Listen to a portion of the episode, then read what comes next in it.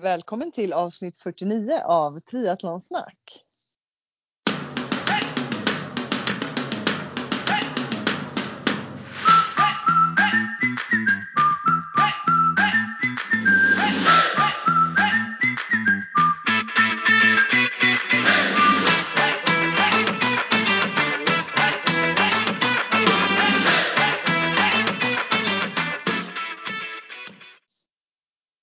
Med Sofia och Therese.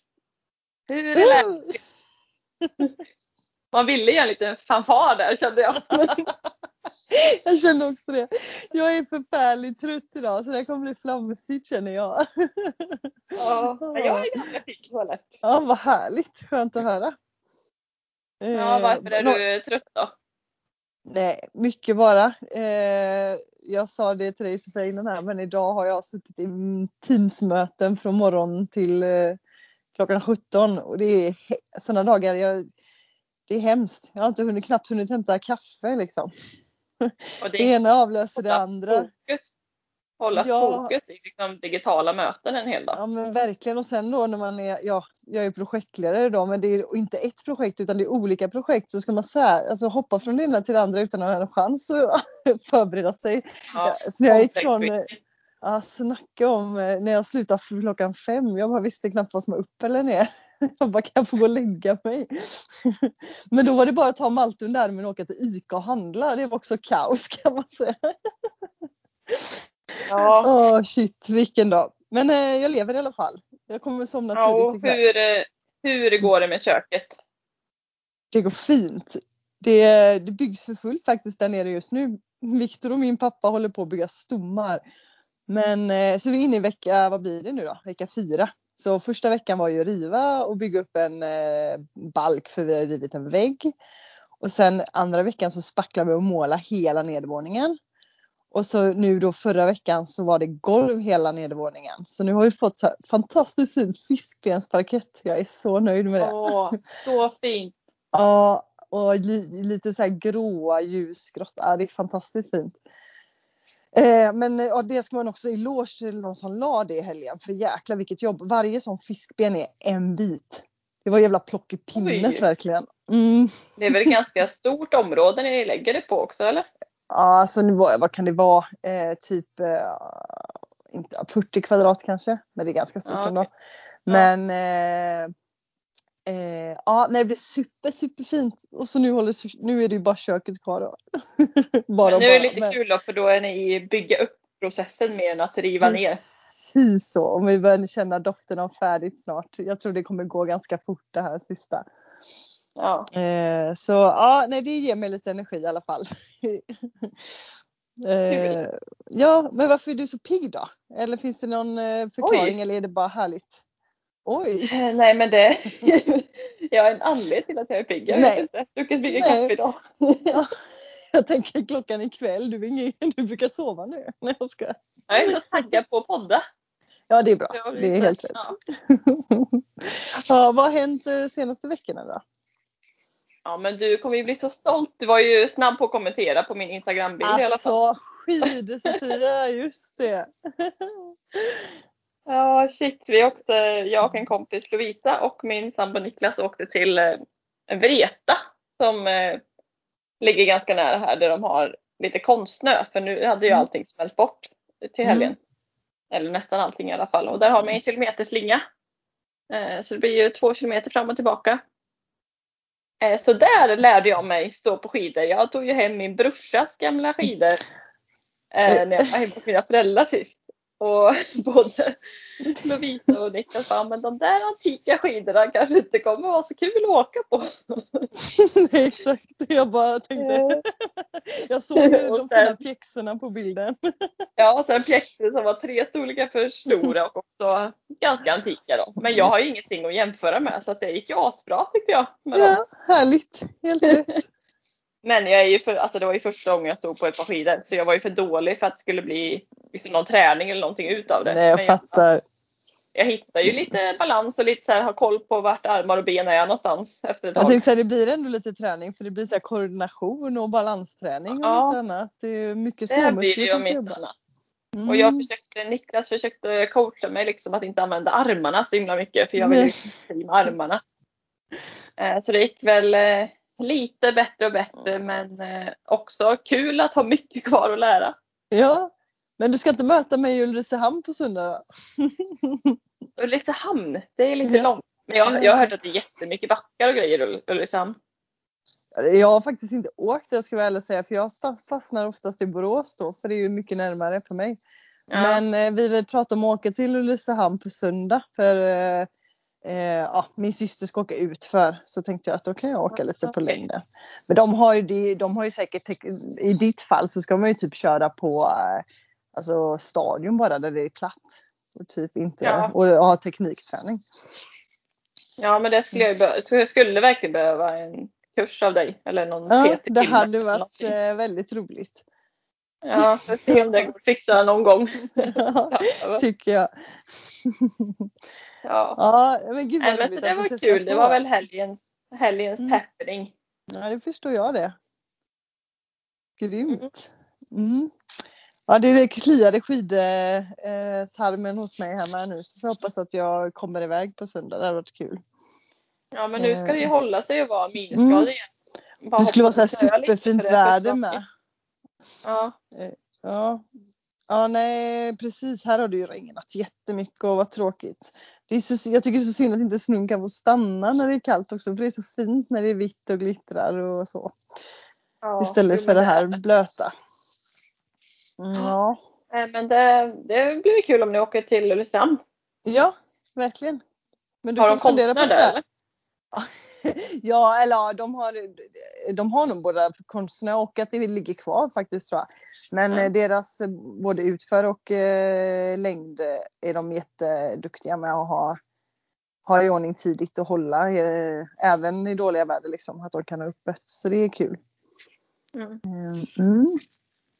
Men ska vi hoppa in i dagens avsnitt eller? Ja, jag tycker vi gör Mm. så.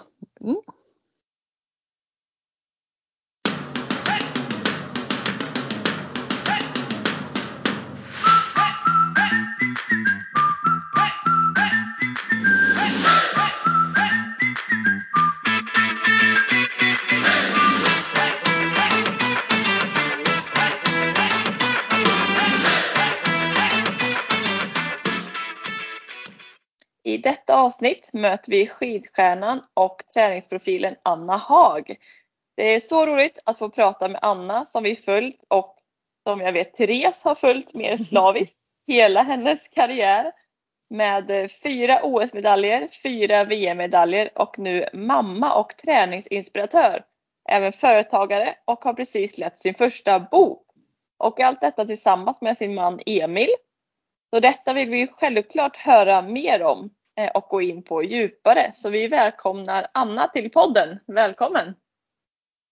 Tack så mycket. Vad härligt det är att få en liten sån här recap vad man har, vad man har gjort i livet i lite så här i, i januari-mörkret. Ja, men man har hunnit med en del. En liten bose på måndagen. Precis, precis. Vill du börja med att beskriva med egna ord vem du är? Vem är Anna? Ja, men jag är en person som eh, är oerhört positiv och det säger jag med både stolthet och lite, eh, inte förtvivlan, men lite så här ah, uh, suck i rösten för att jag har otroligt svårt att se saker från något annat perspektiv än det positiva hållet. Och är oerhört eh, envis, eh, också på gott och ont. Eh, en rastlös själ som alltid vill ha mer, vill se mer, vill eh, testa mer, vill utveckla mer. Eh, men eh, också väldigt eh, beroende av, av min familj, att känna tryggheten eh, hos dem. Det är jag. Härlig, härlig sammanfattning. Ja. Det är så man ser dig också tror jag, när man får Ja. följa dig. Mm. Men om du får, hur ser en dag ut för dig idag? Eh, nu har jag varit eh, mammaledig i, ja, sen vår son Harry kom i oktober 2019. Eh, under den tiden har ju också vi haft en pandemi som har drabbat världen så att det kanske inte har sett ut som jag hade tänkt innan. Men det har blivit mer tid hemma vid. Eh, och eh, som tur var så har vi en son som tycker om att eh, eh kanske inte träna själv än men vara med när jag tränar. Så vanligtvis så tränar jag på förmiddagarna tillsammans med honom på ett eller annat sätt. Och sen eh, får man ju numera äta lunch hemma vid rätt ofta. Annars brukar jag försöka träffa kompisar och äta en lunch ute. Eh, och sen arbeta någon, jobba någon timme på eftermiddagen och har jag ork kanske jag tränar till pass. Annars blir det ofta, väl, alltså där vid fyra, tre, fyra så är det som att tempot i hela mig slås av framåt kvällen tills jag däckar i sängen vid nio, tio tiden. Så att jag, jag har väldigt mycket energi på morgonen och förmiddagen då jag är liksom mest. Men det är fortfarande otroligt mycket träning i, i mitt liv. Liksom. Det, är det, jag, det är det jag planerar utifrån och det är det jag tycker är Alltså det är både min, liksom, min passion och min hobby och en stor del av mitt liv. Så du får oftast in två pass då om dagen? Ändå. Ja, men ofta försöker jag trycka in dem före lunch. Eh, för att jag är inte längre så pigg på att träna på eftermiddagarna. Jag har, liksom, jag har gjort det i så många år. Där varje dag hade nästan dubbla pass. Eh, att man var klar med träningen först till middagstid. Och det är så lite kvar av dagen vid middagen tycker jag. Så att jag vill gärna ha tränat klart till lunch. Hur eh, såg din vardag annars ut under din elitkarriär? Om du kan ta skillnaden. Ja, eh, framförallt så sov man kanske lite längre på morgonen. Eh, första passet kanske var inte började förrän kring nio tiden. Nu kan man ju börja mellan ja, allt från sju eller från sex och framåt kan jag ju börja träna på morgonen. Eh, och så tränade man mellan nio och elva, nio och tolv. Eh, sen åt man lunch. Eh, sen sov man minst en timme. Eh, sen kanske man jobbade lite eh, om man nu hade det, liksom mejl och sånt. Och sen vid tre åt man mellanmål. Vid halv fyra, fyra stack man ut på eftermiddagspasset om, om det var utomhus eller man körde styrka. Så var man hemma där strax före sex och mellan sex och sju åt man middag. Eh, och sen så låg man lite i soffan och vid nio åt man kvällsfika och sen gick man och la sig. Det var liksom varje dag detsamma. Så det var ju Men... väldigt lite tid att träffa andra liksom. Det var ju eh, mycket tid liksom. Eh, där man prioriterade vila på ett annat sätt än vad jag gör idag. Men vad var din främsta drivkraft under elitkarriären? Att se hur bra jag kunde bli. Eh, absolut alla gånger. Det var det som drev mig varje dag. Eh, väldigt så här, eh, kanske sporrande Alltså om man ser det över, om, om man kunde ta det över ett, eh, ett, stort grepp och se det på lång sikt så var det ju häftigt att kunna tänka att ja, men om ett år ska jag vara så här bra. Men jag kunde ju ibland se det på varje pass eller från intervall till intervall att jag skulle bli bättre. Eh, och då kanske man hade tagit den där eh, lilla utmaningen att se hur bra jag kunde bli lite för, för hårt. Så att det var en balansgång att, att uh, göra det lite lagom mycket att utvecklas. Vad var, känner du att du hade några uppoffringar under din elitkarriär? Eller vad var de största alltså sakerna du säga nej till? Alltså när man är mitt inne i en elitkarriär och målen är liksom medaljer på stora mästerskap och man har läge med jämna mellanrum så är man inne i liksom ett, ett ekorrhjul som det inte existerar så mycket annat i och man hinner inte fundera så mycket på hur livet annars hade kunnat se ut. Eh, det är först nu man inser hur inskränkt eh, det faktiskt var. Eh, det som jag tänkte på ofta var ju däremot hur våra familjer fick lov att göra uppoffringar för att vi skulle kunna ses. Om vi skulle fira jul ihop fick ju inte de träffa så mycket andra människor på någon vecka. Barnen fick inte gå på dagis för en vecka före jul för att de skulle vara friska. Och vi missade mycket födelsedagar och skolavslutningar och sånt där. Alltså det är mer att jag känner att våra familjer har eh, gjort en, kanske inte alltid egenvald uppoffring för vår skull. Liksom. Var du duktig, eller är eller var? Kanske är du duktig på att lyssna på kroppen? alltså det där tycker jag är så himla mm. intressant för jag tycker ju liksom att eh, jag tror det har lite med, eh, med åldern också att man blir bättre att lyssna på kroppen. Eh, så att liksom om jag ser till min karriär så blev jag ju bättre ju längre tid det gick. Ändå avslutade jag min karriär med en övertränad kropp. Eh, det säger väl lite om mitt, mitt sätt att vara och min, mitt driv till träning. Men jag tycker framför allt att vara gravid eh, var en otrolig lärdom i hur kroppen funkar och faktiskt lyssna på den. Det gick liksom inte att köra över den och jag minns att jag väldigt tidigt i min graviditet så ringde jag min landslagsläkare eh, som för övrigt just då var hög på morfin för, från en operation så han var ju väldigt så här, skön i sina kommentarer. Och så frågade jag så här, men hur ska jag tänka, jag är gravid, jag vill fortsätta träna. Och han liksom bara, ja Anna, du ska bara fortsätta lyssna på hur kroppen känns. men det var liksom så här, han var ju verkligen spot on, att det var liksom nu mer än någonsin kommer den att berätta för dig eh, vad du gör rätt och vad du gör fel. Och du har inget alternativ annat än att lyssna på det. Eh, och det var ju en fantastisk lärdom till att komma tillbaka också efter graviditeten och förlossning. Att, att inte liksom skynda för snabbt utan att ja, men promenad funkade till en början. Sen funkade, att, eh, funkade en jogginad. Sen kanske man kunde börja jogga och så kunde man börja springa. Att man, de här små stegen och faktiskt låta kroppen och inte knoppen styra. Och jag tänker många gånger att tänk om jag hade haft liksom den känslan och kunskapen eh, under tiden jag var aktiv. Så eh, det hade nog varit oerhört nyttigt för mig. Kan du berätta om något tillfälle under din elitkarriär där du pressat dig för långt? Då kroppen liksom sagt ifrån? Ja, men jag har ju faktiskt eh, eh, gått in i väggen eh, liksom två gånger som jag verkligen vet att det var väggen och sen var det där och snuddat eh, någon gång däremellan. Första gången var jag bara 18 år när kroppen sa ifrån Oj. att jag hade gjort för mycket. Eh, och sen var det någon gång där eh, när jag var efter 25. Eh, jag började få fruktansvärt ont i mina vader. Och eh, det här pågick under flera säsonger. Jag kunde inte skejta. eh, och jag är ju sån som inte gärna vill vill säga att jag har ont för jag tyckte att det var liksom ett, ett svaghetstecken. Så jag hade flera år när jag tävlade med, med väldigt, väldigt ont i mina vader. Vi kunde inte komma på var det var ifrån. Och sen upptäckte vi att eh, jag hade problem med ryggen, en, en diskbuktning och en, en cysta på en nervrot som gjorde att min, min rörelseförmåga blev nedsatt och jag blev svag i magen. Alltså en sån här kedjereaktion på att kroppen inte funkar som den ska. Eh, så när jag fick bukt med det så var det som att hela min karriär började om och det här var 2016, 2017. Så att de sista åren jag åkte var ju liksom otroligt häftigt för jag hade en kropp som inte gjorde ont. Jag kunde lyssna på den mycket mer och ändå lyckades jag min sista säsong in mot OS i Pyeongchang köra mig över gränsen igen i träningen. Ehm, så jag har liksom jag har haft en karriär där jag har lärt mig otroligt mycket om mig själv och min kropp och min inställning till hur jag gör saker och också mitt behov av att inte bli pushad av de som är runt omkring mig utan mer bli, bli bromsad. Men också utmaningen i att eh, acceptera att bli bromsad. Det är inte heller så himla lätt.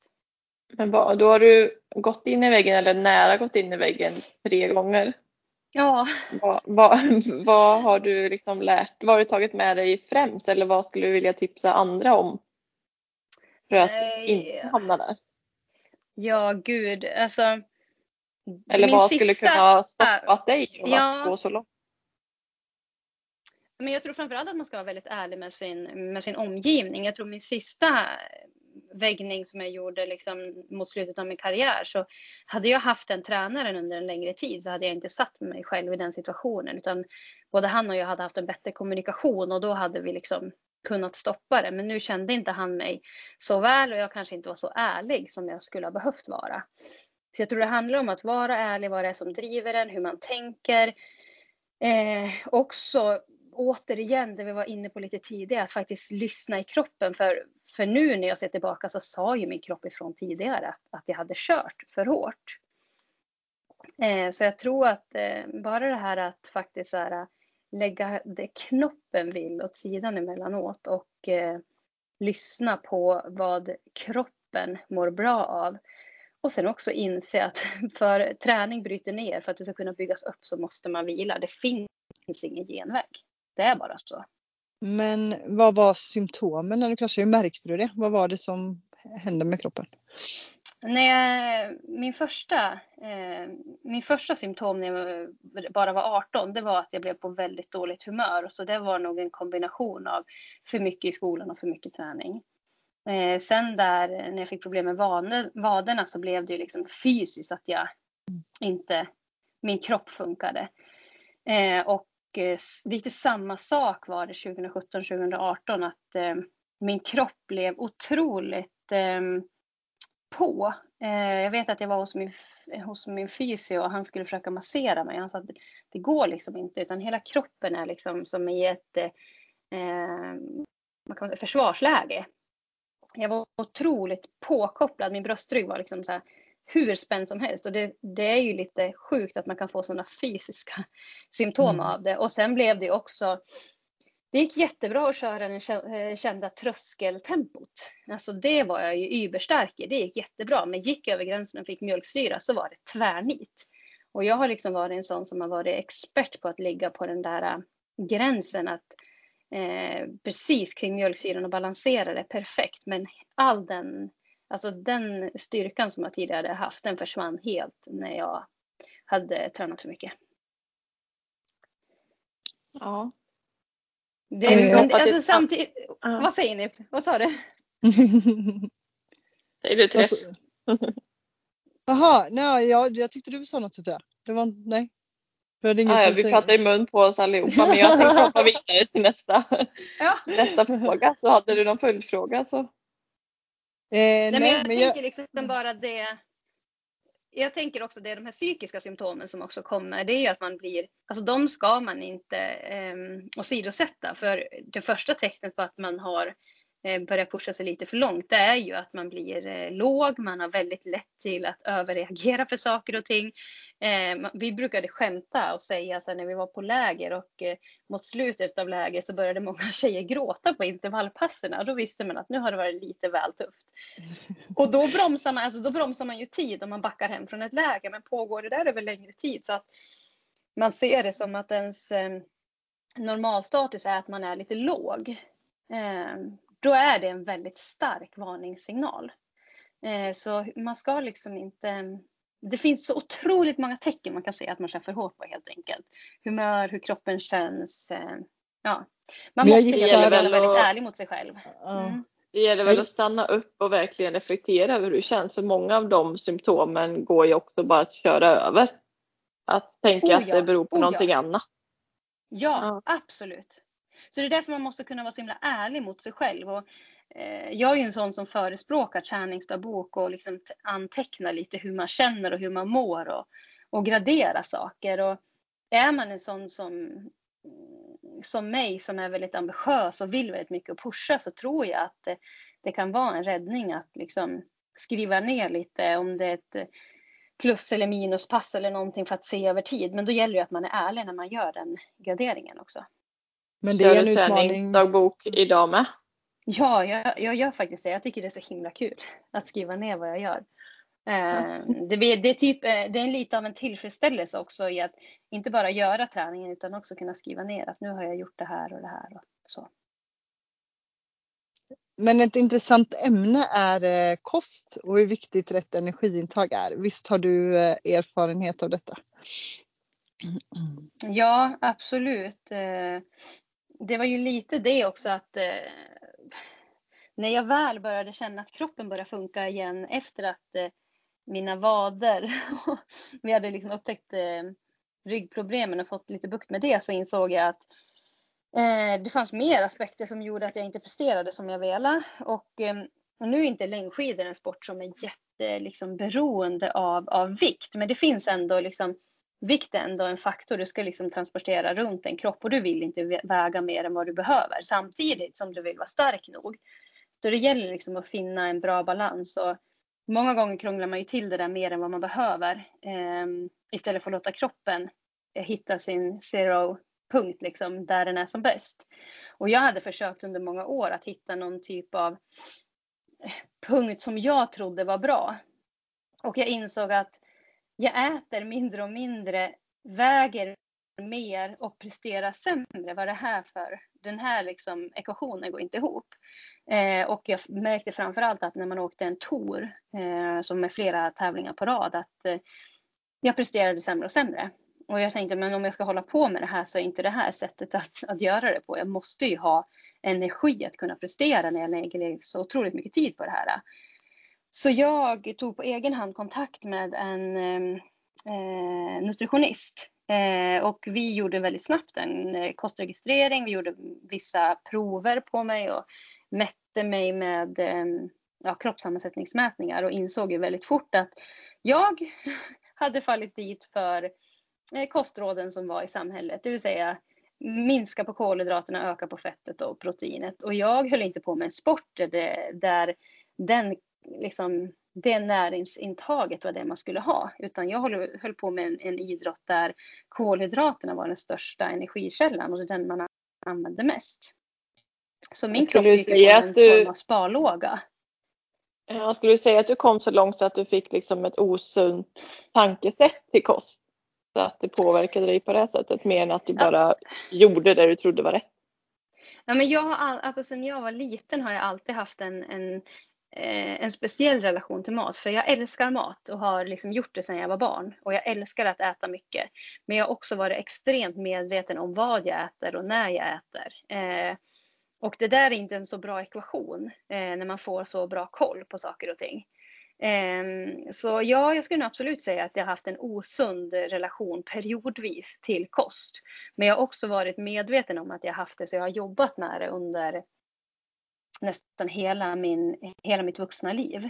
Ehm, så jag, liksom, det var nog också, jag var nog också redo att eh, inse att jag inte skötte det på ett bra sätt. Så att jag ville ta hjälp med det, för jag ville, liksom, jag ville vara professionell helt enkelt. Men hur, eh. hur egentligen upptäckte du det? Att du fick i dig för lite energi? Eller var det, en, Nej, det var, en självinsikt? Ja, det var en självinsikt under en tour. Eh, för jag åkte otroligt bra i början av den touren. Eh, och jag borde egentligen åka bättre och bättre för det är så jag är som, som person. Eller vad ska man mm. säga, min, min, min idrottsprestation, alltså min idrottsperson var en sån som borde åka bättre i fler tävlingar där. Eh, men jag gjorde det inte och jag blev så brydd och, och förbannad på mig själv att vad, vad är det jag håller på med? Eh, så det var sån typ av självinsikt att nu, och sen började jag också inse att det liksom, jag börjar närma mig 30, man kan inte hålla på med det här i alla år. Jag vill, jag vill ge mig en ärlig chans att få försöka nå så långt jag bara kan. Så det var väl lite det som gjorde att jag verkligen tog tag i det. Eh, och det fräna var att när jag tog hjälp av den här nutritionisten så sa hon att om vi gör det här så måste du lita på mig. när det blir ett jäkla arbete. Det är liksom, nu måste du lägga tid på det här äh, och det kommer kosta energi mentalt. Eh, men, men vi kan göra stora förändringar. Och jag var så beredd och redo på att göra förändringar så att jag sa bara ja, vi kör. Och jag pratade med, mycket med min bror under den här tiden som hade hjälpt mig med styrketräningen och också var insatt i kost och han bara varnade mig att Anna, det är tufft att lägga om kosten. Eh, det gör man bara inte. Men det roliga i alltihopa var att det var inte så himla mycket att lägga om kosten. Det var bara att börja äta som jag gjorde när jag var junior och yngre. Helt enkelt enligt tallriksmodellen med rejält med kolhydrater och fylla på på passen och efter passen och Eh, hon varnade mig också att du kommer gå upp i vikt till en början. Och det var ju också så varningssignaler för en, en idrottare som vill liksom ha en tävlingsvikt. Att nej, nej, jag ska inte gå upp i vikt. Men jag tänkte att jag litar på den här kvinnan. Om hon säger att jag går upp i vikt och sen kommer, det, liksom, kommer jag hamna på någon zero-punkt. Um, ehm, så då litar jag på henne. Uh, och precis som hon sa blev det. Jag gick upp i vikt och sen någon månad senare så är jag nere på en vikt som jag sen höll uh, otroligt länge under hela tiden vi, vi jobbade och jag skötte mig bra, det vill säga åt, åt bra, åt bra kolhydrater och fett och protein och inte krånglade till det. Men du säger att det var bara att börja äta som du gjorde när du var yngre. Var det mm. inte jobbigt mentalt för dig då? Eftersom du var så inne i dina nuvarande rutiner? Eller var det så, det var bara Nej. prestationen som gällde så att du Ja, jag såg det helt enkelt som att när jag fick de här liksom, eh, vad jag skulle stoppa in mig på en dag, eh, så tänkte jag att nu ska jag hantera det här som en träningsplan. Det här är min kostplan, det här är min träningsplan, det här är liksom konditionsplan och min styrkeplan. Nu har jag de här att följa och nu gör jag bara det här. Eh, och det var en väldigt häftig resa tyckte jag. Målinriktat. Otroligt målinriktat men också häftigt att göra någonting och se liksom det blev så synliga förändringar på min kropp. Men det var liksom en, en del. Men det häftiga var hur det förändrade mitt sinne och min självbild och min känsla. Att jag mådde ju mycket bättre, jag var på en bättre humör, jag blev ju inte lika låg. Eh, jag kände mig stark. Alltså allt det här man, man vill att eh, bara träningen ska ge. Nu fick jag liksom det av en, av en till grej. Det var en väldig kick var det. Ja, jag känner igen vissa saker av det du säger, för jag är med i ett projekt just nu mm. där jag får eh, kostrådgivning av Petra Lundström. Men det var hon säger att hon har hjälpt dig. Yes!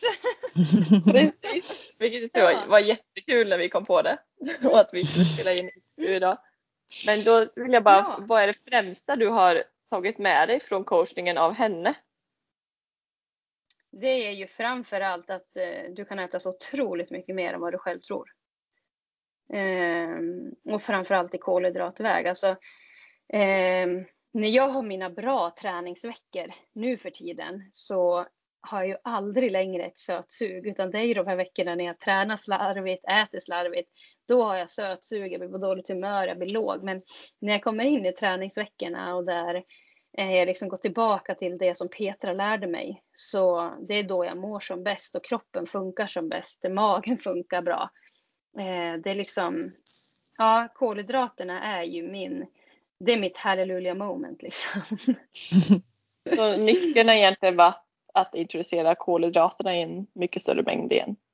Ja, och att göra det eh, med jämna mellanrum. Liksom. Mm. Eh, både före, under och efter passerna. Eh, jag blev ju mycket, mycket bättre på sportdryck och fylla på med energi under träningen när jag började jobba med Petra än vad jag någonsin hade varit tidigare. Jag tror Petra nämnde att du hade ett, att du hade ett eget recept på overnight oats. Jajamän! Det står i boken säger jag Ja, som jag skulle fråga dig om. Ja, ja men sen så har jag ett, ett, recept som inte är med i boken men det är att ja, okay. du kokar upp havregryn Eh, ja. Och sen mosar du ner en banan och knäcker i ett ägg. I gröten mm. medan den kokar. Eh, och den... bara havregryn med vatten först? Ja, jag brukar alltid koka på någon mjölk, alltså sojamjölk eller någonting för jag tycker det blir så mycket godare. Och så eh, mosar du ner en banan eh, och sen knäcker du i ett ägg och sen så serverar du med jordnötssmör, lite russin och eh, sånt crunch man vill ha till. Den är så perfekt inför eh, riktiga långpass. Den, det ligger väldigt skönt i magen. Ja, bra. Jag, jag, jag, jag glider vidare här på en lyssnarfråga. Mm. Vad äter du oftast till frukost? ja, men vi har varit inne på det. Jag äter eh, ex, alltså, 99 fall av 100 någon form av havregryn. Eh, ja. På sommaren är det ofta kalla, liksom, övernattade havregryn overnight som jag serverar med någon yoghurt, banan och, och jordnötssmör och, och granola. Och på vintern så låter jag havregrynen stå i mjölk som jag kokar upp eh, på morgonen och äter med banan och sylt. Och, alltså, jag, jag brukar, det som Peter också lärde mig är ju att man ska aldrig förändra storleken på sina måltider om man inte absolut behöver, utan det du ska addera är ju de enkla kolhydraterna som russin, sylt, juice och sånt. Så det är det jag liksom brukar Alltså om jag bara har en lugn dag hemma, då kanske jag inte har sylt och russin på gröten. Då kanske jag bara har banan och jordnötssmör. Men som den här veckan när jag ska ha lägervecka i Orsa, då kanske det både blir sylt och eh, banan och, och, russin på gröten för att få de här extra kolhydraterna. Det är ju bra, bra tips mm. faktiskt. Mm. För det är jobbigt när magen blir för full. Um, så att det är skönt om man liksom kan addera kolhydrater utan att fylla magen för mycket. Liksom. Och då är ju snabba kolhydrater i form av juice och, och sylt och, och torkad frukt bra. Men eh, hur är din relation till kost idag? Eh, väldigt sund. Eh, mm. Jag ska säga så här att mitt liv består till stor del av träning och mat. Alltså det är mina glädjeämnen. Jag kan ju gå liksom så här, min stora motivation när jag är ute på långpass kan ju vara nästa måltid och vad jag ska äta och vad jag ska unna mig. Um, och jag älskar att prova nya rätter, att äta middagar med vänner, sånt som man nu inte har gjort på nästan ett år. Det är ju liksom glädjeämnena i livet. Så att jag, och jag inser att eh, så länge jag sköter mig kring kosten och inte börjar slarva och tänka att jag ska äta mindre av någonting så, så mår jag ju som själv liksom bäst. Så att, eh, den är nog sundare än den någonsin har varit och det känns väldigt bra nu när man är mamma och ska vara en god förebild också. Ja precis, det är ju faktiskt en Mm. viktig aspekt av det hela också. Ja, men jag, Mm. jag tänker väldigt ofta på det faktiskt. Att, eh, det är otroligt eh, viktigt Att hur man kommunicerar. Och, ja, nej exakt. Att man bara äter. Eh, min son han är liksom uppvuxen på eh, jag vet inte hur många måltider per dag för han äter ju alltid samtidigt som jag äter. Så att, eh, men han har också mitt linne så att det går inte att hoppa en måltid. Vi är liksom monster på morgonen innan vi har fått i oss frukost. Så det är synd om, om min man hemma. Ja, men för att hoppa från eh, kost och mat till eh, lite Mm. mer träning. Mm. Eh, idag så tränar du en, en lite mer blandning av idrotter. Mm. Som vi ser på Instagram, vilket ser jättehärligt ut. Men skulle du kunna tänka dig att faktiskt testa triathlon, som den här podden handlar om? Ja, men jag har, jag har haft triathlon på min sån här, eller jag har triathlon på min to-do-list ska jag säga. Eh, sen tror jag kanske inte att en olympisk distans eh, vore grejen för mig, för det är för, för snabbt och eh, för kort. Att då kanske, alltså någon gång vill jag ju prova att göra en Ironman. Eh, absolut. Men det som jag tycker är det luriga är att det är tre moment som man ska träna som alla tre behöver ganska mycket tid att få till bra. Eh, löpningen har jag haft med mig hela livet och jag har ju simmat i perioder ganska mycket. Eh, cykel är ju det jag faktiskt är sämst på. Eh, dels för att jag inte riktigt har blivit kär i att cykla än. Eh, jag, jag sliter liksom med det. Men eh, jag sa det ganska direkt efter jag la elitkarriären åt sidan att en Ironman skulle jag gärna prova. Eh, men jag har inte bestämt när. Du går på det längsta först, det är bra. Ja men alltså det, jag är ju Ja. eh, Allt. jag är ju den som håller de här längre grejerna är ju lite mer min melodi så därför är det komiskt att min tävlingstid när jag var aktiv var så här 20 till 30 minuter. Eh, och numera håller jag gärna på fyra timmar liksom. Men man behöver inte plåga sig riktigt lika mycket när man håller på längre. Eh, konstigt nog. Alltså håller du på springa, springa en mil är ju hemskt liksom. Eh, maxa 40 minuter, det är ju, eller 5 kilometer för den delen, det är ju så här bara ont. Eh, att hålla på så här halvhårt i fyra timmar är det bästa som finns för man blir så hög på alla endorfiner. Ja, jag håller med dig till 100 procent. Ja. Konstigt nog liksom. Eh, Men jag vet att du har fastnat lite för crossfit just nu, visst stämmer det? Det gör ju ganska Ja. ont tror jag. Eller? Ja, och det var ju lite det som var min så här grej när jag började med det. För jag var på ett crossfit-pass när jag var ganska nygravid med eh, min son. Eh, I den där perioden man mådde så fruktansvärt dåligt. Så jag hade ju sån här väldigt dålig bild av crossfit. Men jag älskar ju styrketräning. Eh, och jag älskar att liksom utmaning. Så då tänkte jag så här. Efter en graviditet och en förlossning och en vår och sommar med otroligt mycket löpning så kände jag mig som spaghetti i kroppen i, mot slutet av sommaren. Jag hade aldrig känt mig så klen någonsin. Mina armar var liksom Nej, nej, jag kände mig så tunn och spinkig så jag bara, nej, jag måste göra något åt det här. Och jag var liksom så här, inte så jättepeppad på att bara gå in i gymmet och lyfta tunga vikter för det, det är inte så motiverande jämt att göra det. Så då tänkte jag, men jag provar crossfit, då får jag både flåset och, och styrkan. Så det dröjde väl ungefär ett pass och sen kände jag bara att det här är grejen.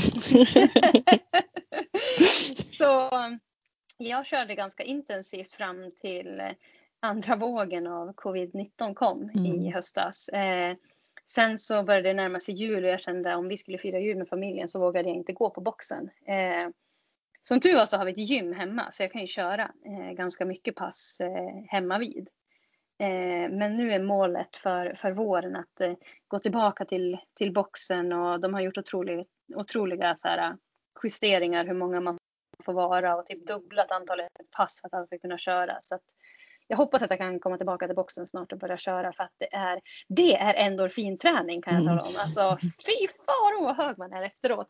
Och sen bara, jag älskar ju att ha träningsverk så att eh, det är bara att gå in i boxen så får man det känns det som. Men då titta är det nog rätt, verkligen. Och sen är det ju så att jag är ju inte så bra på det. Det, är liksom, det finns så många aspekter jag kan utveckla och det triggar ju mig otroligt. Men då är det mycket du ska hålla på med. Du håller liv i skidåkningen och du ska göra en Ironman och du ska bli bättre på Crossfit.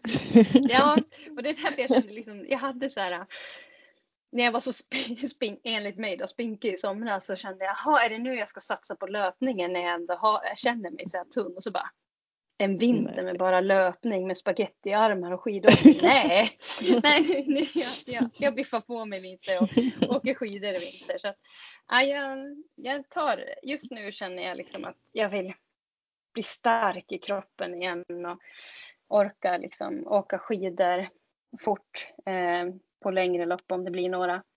Så får vi, får vi se vad, vad framtiden utvisar. Jag känner, jag är ju bara 34 än, jag har, har några år på mig att kunna prova nya utmaningar.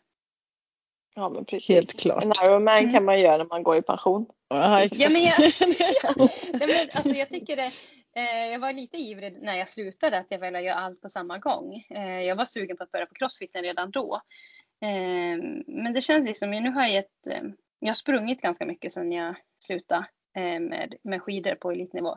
Eh, och så känner jag väl att Ja, där måste jag ta, jag måste tänka till om jag ska kunna utvecklas där eh, lite mer och det är jag inte riktigt redo för än. Så att, eh, ja, nu får crossfiten ta lite tid. Det är kul att, eh, jag tycker det är så jäkla kul att prova nya träningssätt och bara att ingen säger till mig att du borde träna det här eller det här utan jag kan göra precis vad jag själv vill. Ja, låter härligt. Lite valmöjligheter. Ja. ja. ja Men eh, för att hoppa vidare så ser det ut som du och Emil gör i stort sett alltihop. Hur är det mm. egentligen att leva, jobba och träna tillsammans? Ja, men alltså, grejen är att vi aldrig har gjort det på något annat sätt. Eh, så jag är ju mer så här äh, imponerad av de som lever liksom ett vanligt liv och så ses man någon timme på vardagarna och sen kanske på helgerna. Eh, jag är liksom van att man, man gör allt i livet tillsammans och delar alla upplevelser tillsammans och träffar samma människor varje dag. Eh, sen så är vi väl, eller jag framförallt, är lite bättre på att hitta på lite egna projekt där det jag kan göra, för jag har väldigt behov av egen tid. Eh, och då tar ju jag vissa, så crossfiten är ju inte han med mig på, utan den, den kör jag liksom själv. Um, och jag tränar fortfarande, eller jag tränar numera mer än honom, så jag har ju lite mer mer träningstid. Men sen så tycker vi att det är väldigt kul att göra saker tillsammans. Eh, vi, vi är ett väldigt bra eh, team att göra saker tillsammans. Vi, vi är bra på olika saker. Jag är den som, vi, som sitter för planeringen och, och strukturen och han är den som sitter för med visionerna och liksom eh, kan också vara en väldig realist när, det kom, när jag kommer med mina idéer som jag tycker vi ska göra. Han bara, men hur tänkte du att det skulle gå tillväga då? Eller hur skulle man göra det? Eh, så det, det är kul. Men han har också sina projekt vid sidan om. Men medan mina, mina projekt och eh, saker handlar väldigt mycket om träning så har han gått vidare lite i livet och har mer liksom, businessprojekt eh, som han kör själv. Liksom. Och på tal om businessprojekt då, så vi, ni har ju precis släppt en bok. Uh, hur kom ni på den idén? Ja, men jag älskar ju att skriva. Eh, jag har ju bloggat sedan bloggarnas eh, begynnelse av 2000-talet. Eh, och skriver liksom lika, nästan mer för handen än jag skriver på datorn. Och jag måste liksom få ut mig med mina tankar och idéer. Så det har alltid varit en stor dröm om att, om att skriva en, en bok. Min mamma är dessutom bibliotekarie så jag är lite uppvuxen i, i böckernas värld. Och sen var det liksom inte självklart vad vi skulle skriva en bok om. Jag började faktiskt eh, skissa på en bok om graviditet. Eh, men eh, det var liksom så här, nej jag fick inte hela det konceptet att jag fick inte ihop det så den får ligga och marineras lite.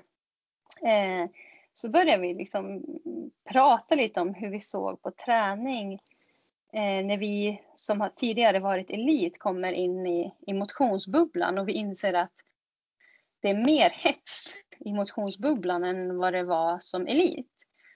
Och vi liksom började ifrågasätta var är njutningen? Eh, alltså var är njutningen kring träning? Vad är äventyret, utmaningen, eh, livskvaliteten, unnet? Vart finns det någonstans i, i, mot, i motionen och i motionärernas liv?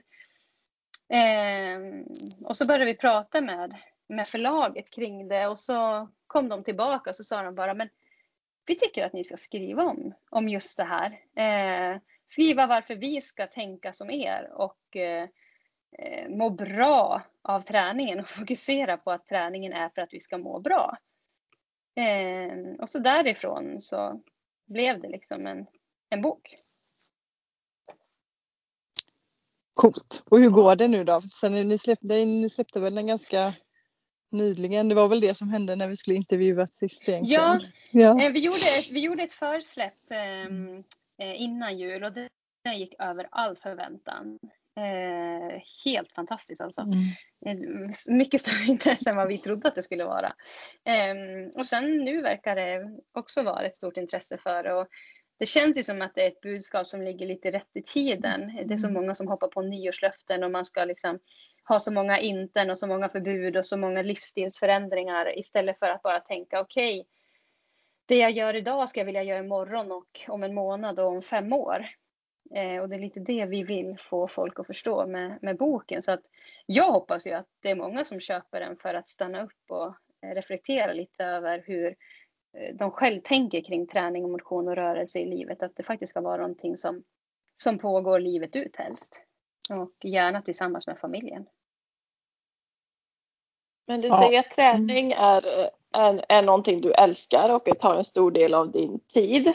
Mm. Hur skulle, skulle du kunna beskriva skillnaden på en träningsvecka under din elitkarriär och hur en träningsvecka ser ut nu?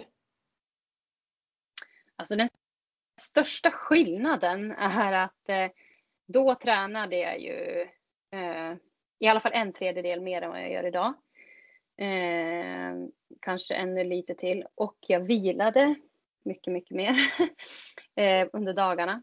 Eh, och allting var mycket mer strukturerat. Alltså nu gör jag ju saker på feeling. Eh, jag, har, jag har ju ofta en plan för varje vecka men det kan bli lite hur som helst och jag kan få feeling på passet och springa lite fortare än vad jag hade tänkt. Eh, och det är väldigt sällan vila mellan passen och jag ofta tränar klart vid lunch. Förut var det ju liksom förmiddag, eftermiddag. Tre dagar träning, en vilodag, tre dagar träning, en dag vila. Och nu blir det liksom, åh där framme passar och vila, ja men då vilar jag idag. Eh, så att det är liksom lite hur mer stor variation eller hur stor skillnad är det i antal timmar? Eh, mitt sista år tränade jag 800 timmar exklusive styrka. Eh, jag vet inte hur många styrkepass jag gjorde på ett år, kanske 80 eller något sånt. Eh, och nu tränar jag, vad tränade jag förra året? Eh, Mm, nästan 600 timmar, men då var det ju lite styrka med det. Då. Så att, mm, eller så var det ja, men mellan 500 och 600 timmar. Eh, så att jag tränar ju fortfarande väldigt mm. mycket. Eh, Eh, men eh, så länge inte min träning nu går ut över livet tillsammans med familjen och eh, saker vi vill göra så är det okej. Okay. Det är liksom dealen jag och Emil har. att den får inte vara, träningen får inte vara prioritering 1 till 10 på listan utan den kan få vara högt men inte på alla platser. Vi ska ha tid att göra saker och resa och träffa vänner och umgås med familjen. Liksom det, det är otroligt viktigt i livet just nu. Men hur ser den ut nu då, en vecka ungefär? Vad har du för olika träningsmoment? Ja, alltså jag försöker alltid få in två intervallpass. Eh, jag är lite dålig på att köra de här riktiga grispassen där man har mjölksyra. Jag stannar gärna där kring tröskel. Så två sådana pass. Eh, och så mellan ja, fyra styrkepass är ambitionen per vecka. Och sen blir resten luftspass med vagn eller alltså löpning eller skidor.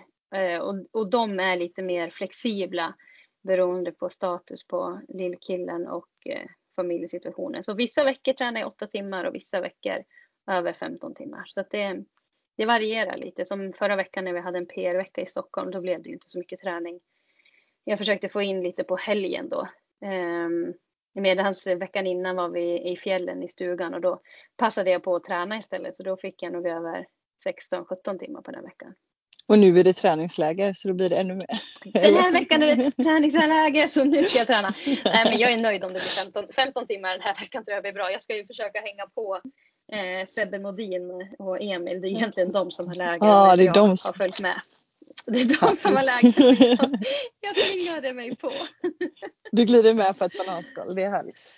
Ja, precis. Vi får se om jag liksom orkar med i deras tempo. Emil ska ändå snacka och guida Sebben eh, hela tiden, men de håller ju ett väldigt bra tempo så att, eh, det blir spännande att se. Och det finns ju risk att jag måste dra en släde med mig också med, med, med en ettåring i. Så att Det jag vet jag hur tungt träning. det är. Så att, ja.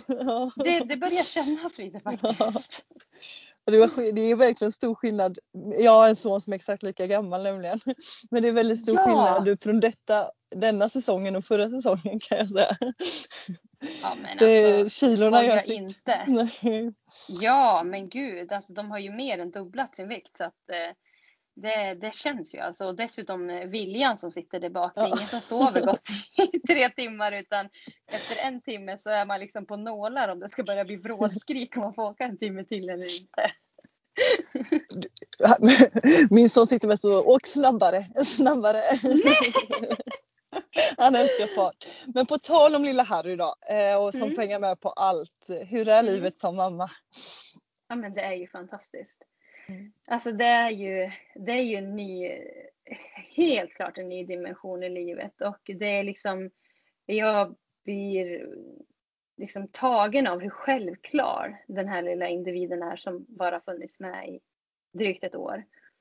Eh, och det är liksom häftigt att få vara med på resan och se hur mycket människa det blir och man tänker att är det jag som formar det här eller kommer det där från honom själv? Eh, det är väldigt, det är väldigt häftigt. Eh, nu känner jag dock efter att ha varit hemma i drygt ett, och, ett år och, tre månader. Eh, där dessutom det har varit mycket restriktioner så man inte haft någon öppen förskola eller någonting. Att det ska bli ganska skönt att vi ska börja skola in om någon på förskola om en, en vecka. Så att eh, jag liksom får ha lite energi till att liksom orka leka och inte bara liksom eh, bli sådär mammatjatig som man nu börjar bli med en ettåring. Nej, nej, nej, nej. Så att eh, nej men det är häftigt alltså. Otroligt häftigt. Ja, spännande med förskola. Det blir en omställning. Ja, verkligen. Men jag, jag ser verkligen fram emot att få liksom hinna hämta andan eh, mellan varven och sen liksom vara en bra mamma när jag väl är tillsammans med honom. Såklart. Men bästa tipset för att få till träningen med barn? Jag tänker att du är duktig på detta. Men det är att sänka kraven. Sänka Mm. kraven. Eh, och eh, ungefär som jag tänkte när jag var gravid också att eh, all träning som blir av är bättre än den träningen som inte blir av. Så blir det bara 30 minuter med löpvagnen för att ungen börjar skrika så är det bättre än att ingenting blev av. Eh, eh, så sänka kraven och sen alltid ha med energi till sig själv och till barnet så brukar faktiskt väldigt mycket, mycket lösas. Jag tänker speciellt om man har barn i en vagn eller någonting. Och är, Mm. man, är man på ett gym eller kör styrka hemma så är det ju bara liksom att eh, involvera barnen lite i, i styrketräningen. När jag ligger och gör mina magövningar på golvet så är jag ofta en ettåring sittandes på magen. Det funkar ju lika bra att göra dem med han på magen som, som Som är någon extra. Ja, exakt. Precis. Eh, och det är super att köra liksom, övningar där man får lite vila mellan för då hinner man ge lite, prata lite och kasta fram lite saker som liknar det man håller på med själv så att de kan efterapa. Liksom. Så det handlar nog lite om att involvera och sänka kraven och, och tänka att det som blir av är bra nog. Ja, men det är ju bra. Mm. Det var egentligen sista frågan vi hade. Vi har eh, någon lyssnarfråga till som vi Ja. gärna vill ställa. Mm. Eh, och den ena är om du har någon coach nu eller lägg, lägger upp din träning själv? Eh, nej, jag har ingen coach. Jag lägger upp den själv. Eh, jag har funderat till och från om, om jag någon gång skulle köra en Ironman eller bestämma mig för att köra mot något specifikt mål, att, att ta hjälp. Eh, men då vet jag också att jag har en man som väldigt gärna skulle vilja eh, coacha mig eh, om jag bestämmer mig för att göra någonting. Så att, eh, jag tror att jag har det mesta under samma tak faktiskt. Jag har en bror som är väldigt duktig på styrketräning och, och en man som kan konditionsträning är rätt bra så att jag tror jag klarar mig. Eh, men samtidigt så ibland tänker jag tanken tydliga- att... Har du, några tydliga mål? har du några tydliga mål nu? Nej, jag har inte några. Alltså jag ska åka Nattvasan som i år kallas Nattåket. Eh, jag har gjort det de senaste två åren också. Ehm, det är väl det som ligger liksom närmast till hands. Eh, och sen nästa år så planerar jag och Emelie Forsberg att göra en lite sån här längre utmaning för att försöka göra en fastest known time försök på, på en, en sträcka på skidor. Så att det finns lite sådär, men det, ja, vi, jag har inga liksom så superklara eh, mål just nu. Nu ska jag gå in på en liten eh, skid... Eh, jag har fått en fråga från en skidkollega. Eh, Ja. Så den är lite längre så jag ska läsa den. Ja. Eh, hur är dina tankar för att få fler ungdomar att fortsätta med idrott även under och efter gymnasietiden? Känns som om mycket fokus idag ligger på att träna, leka med yngre ungdomar. Men det stora tappet sker ju när folk blir lite äldre. Hur kan man få fler att fortsätta ha med sig hälsan och rörelsen in i 20-årsåldern till exempel? Detta gäller ju jag- specifikt många tjejer.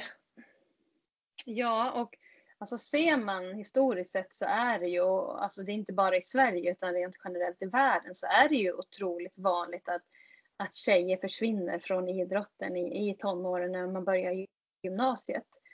Och där tror jag att eh, det är otroligt, alltså om, om man liksom ser samhället i stort, vad är det som är viktigt för en 15-årig och 16-årig tjej? Jo men det är gemenskap och tillhörighet.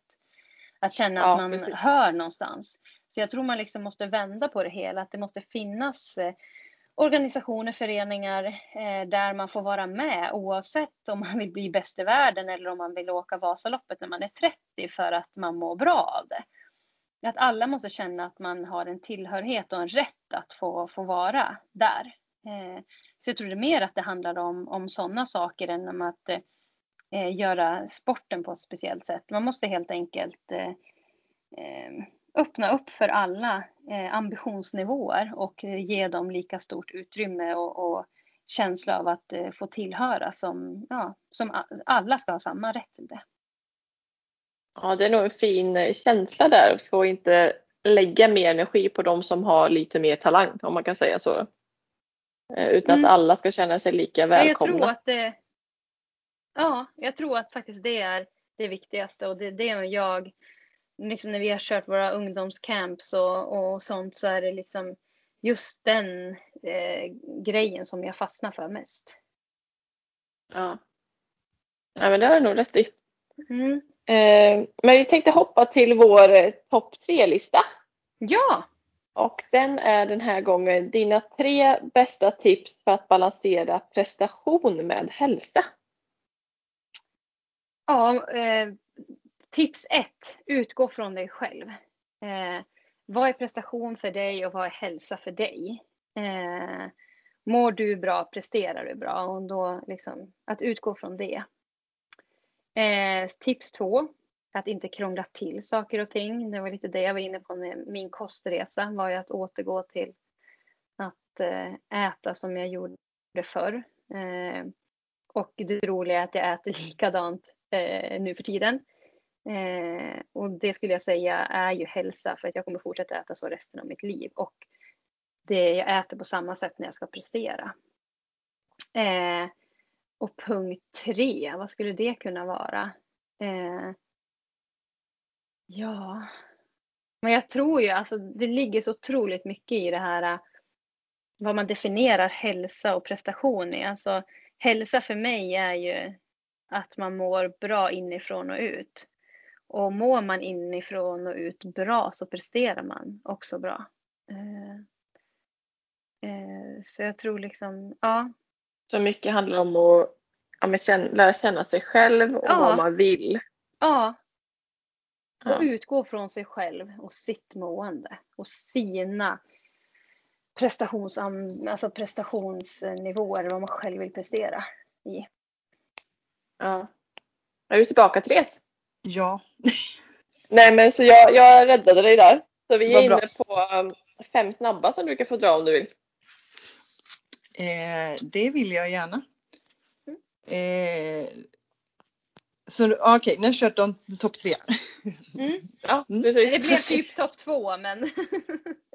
Ja. topp två. Eh, Ja, men då kommer jag dra två alternativ så ska du svara det ena eller det andra. Yes. Eh, utan att direkt tänka, ganska på Mm. uppstuds. Mm. eh, träna med eller utan musik?